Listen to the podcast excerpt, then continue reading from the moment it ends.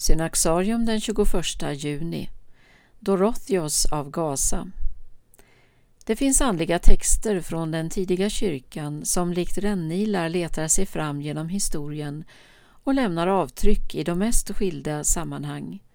Dit hör Dorotheos av Gazas undervisning från 500-talet.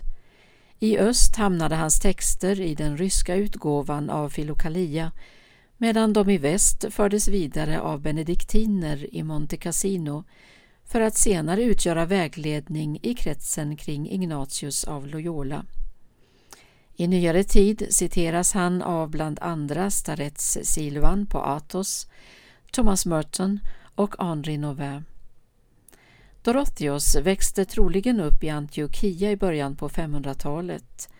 Tillsammans med en kamrat som han delade rum med flyttade han hemifrån för att studera. Han berättar att han var så uppslukad av studierna att han ibland glömde bort att äta, dricka och sova. Med tiden sökte sig Dorotheos till Gazaområdet och ett relativt nytt kloster i närheten av byn Tavata. Det hade grundats av Barsanufios, en munk som kommit från Egypten och vars vän Johannes även hade anslutit sig. Barsanufios och Johannes levde ett eremitliknande liv i celler utan annan kontakt med omvärlden än genom brev som de besvarade med hjälp av var sin sekreterare. Dorothios fick snart överta uppgiften som sekreterare åt Johannes samtidigt som han hade ansvar för klostrets sjukstuga. Det var ett krävande arbete som han byggde upp med hjälp av ekonomiskt stöd från sin bror.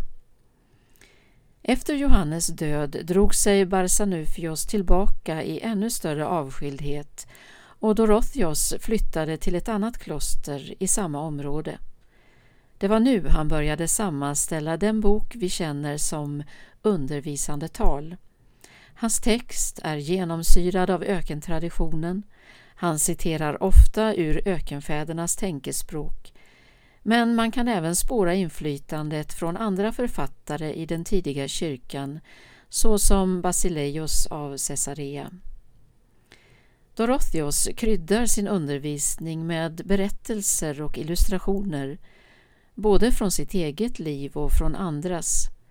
Bilden av fiskaren som släpper lite på linan när han får napp får beskriva vägledarens förhållningssätt till sin konfident och den erfarne simmarens teknik när han tar sig fram genom vågorna illustrerar hur vi kan förhålla oss till motgångar och prövningar. På liknande sätt låter han senantikens lära om människans kroppsvätskor belysa att det är viktigare hur en människa möter det som sker än vad som sker. Dorotheos insomnade i ett kloster i Gazaområdet någon gång mellan år 560 och 580.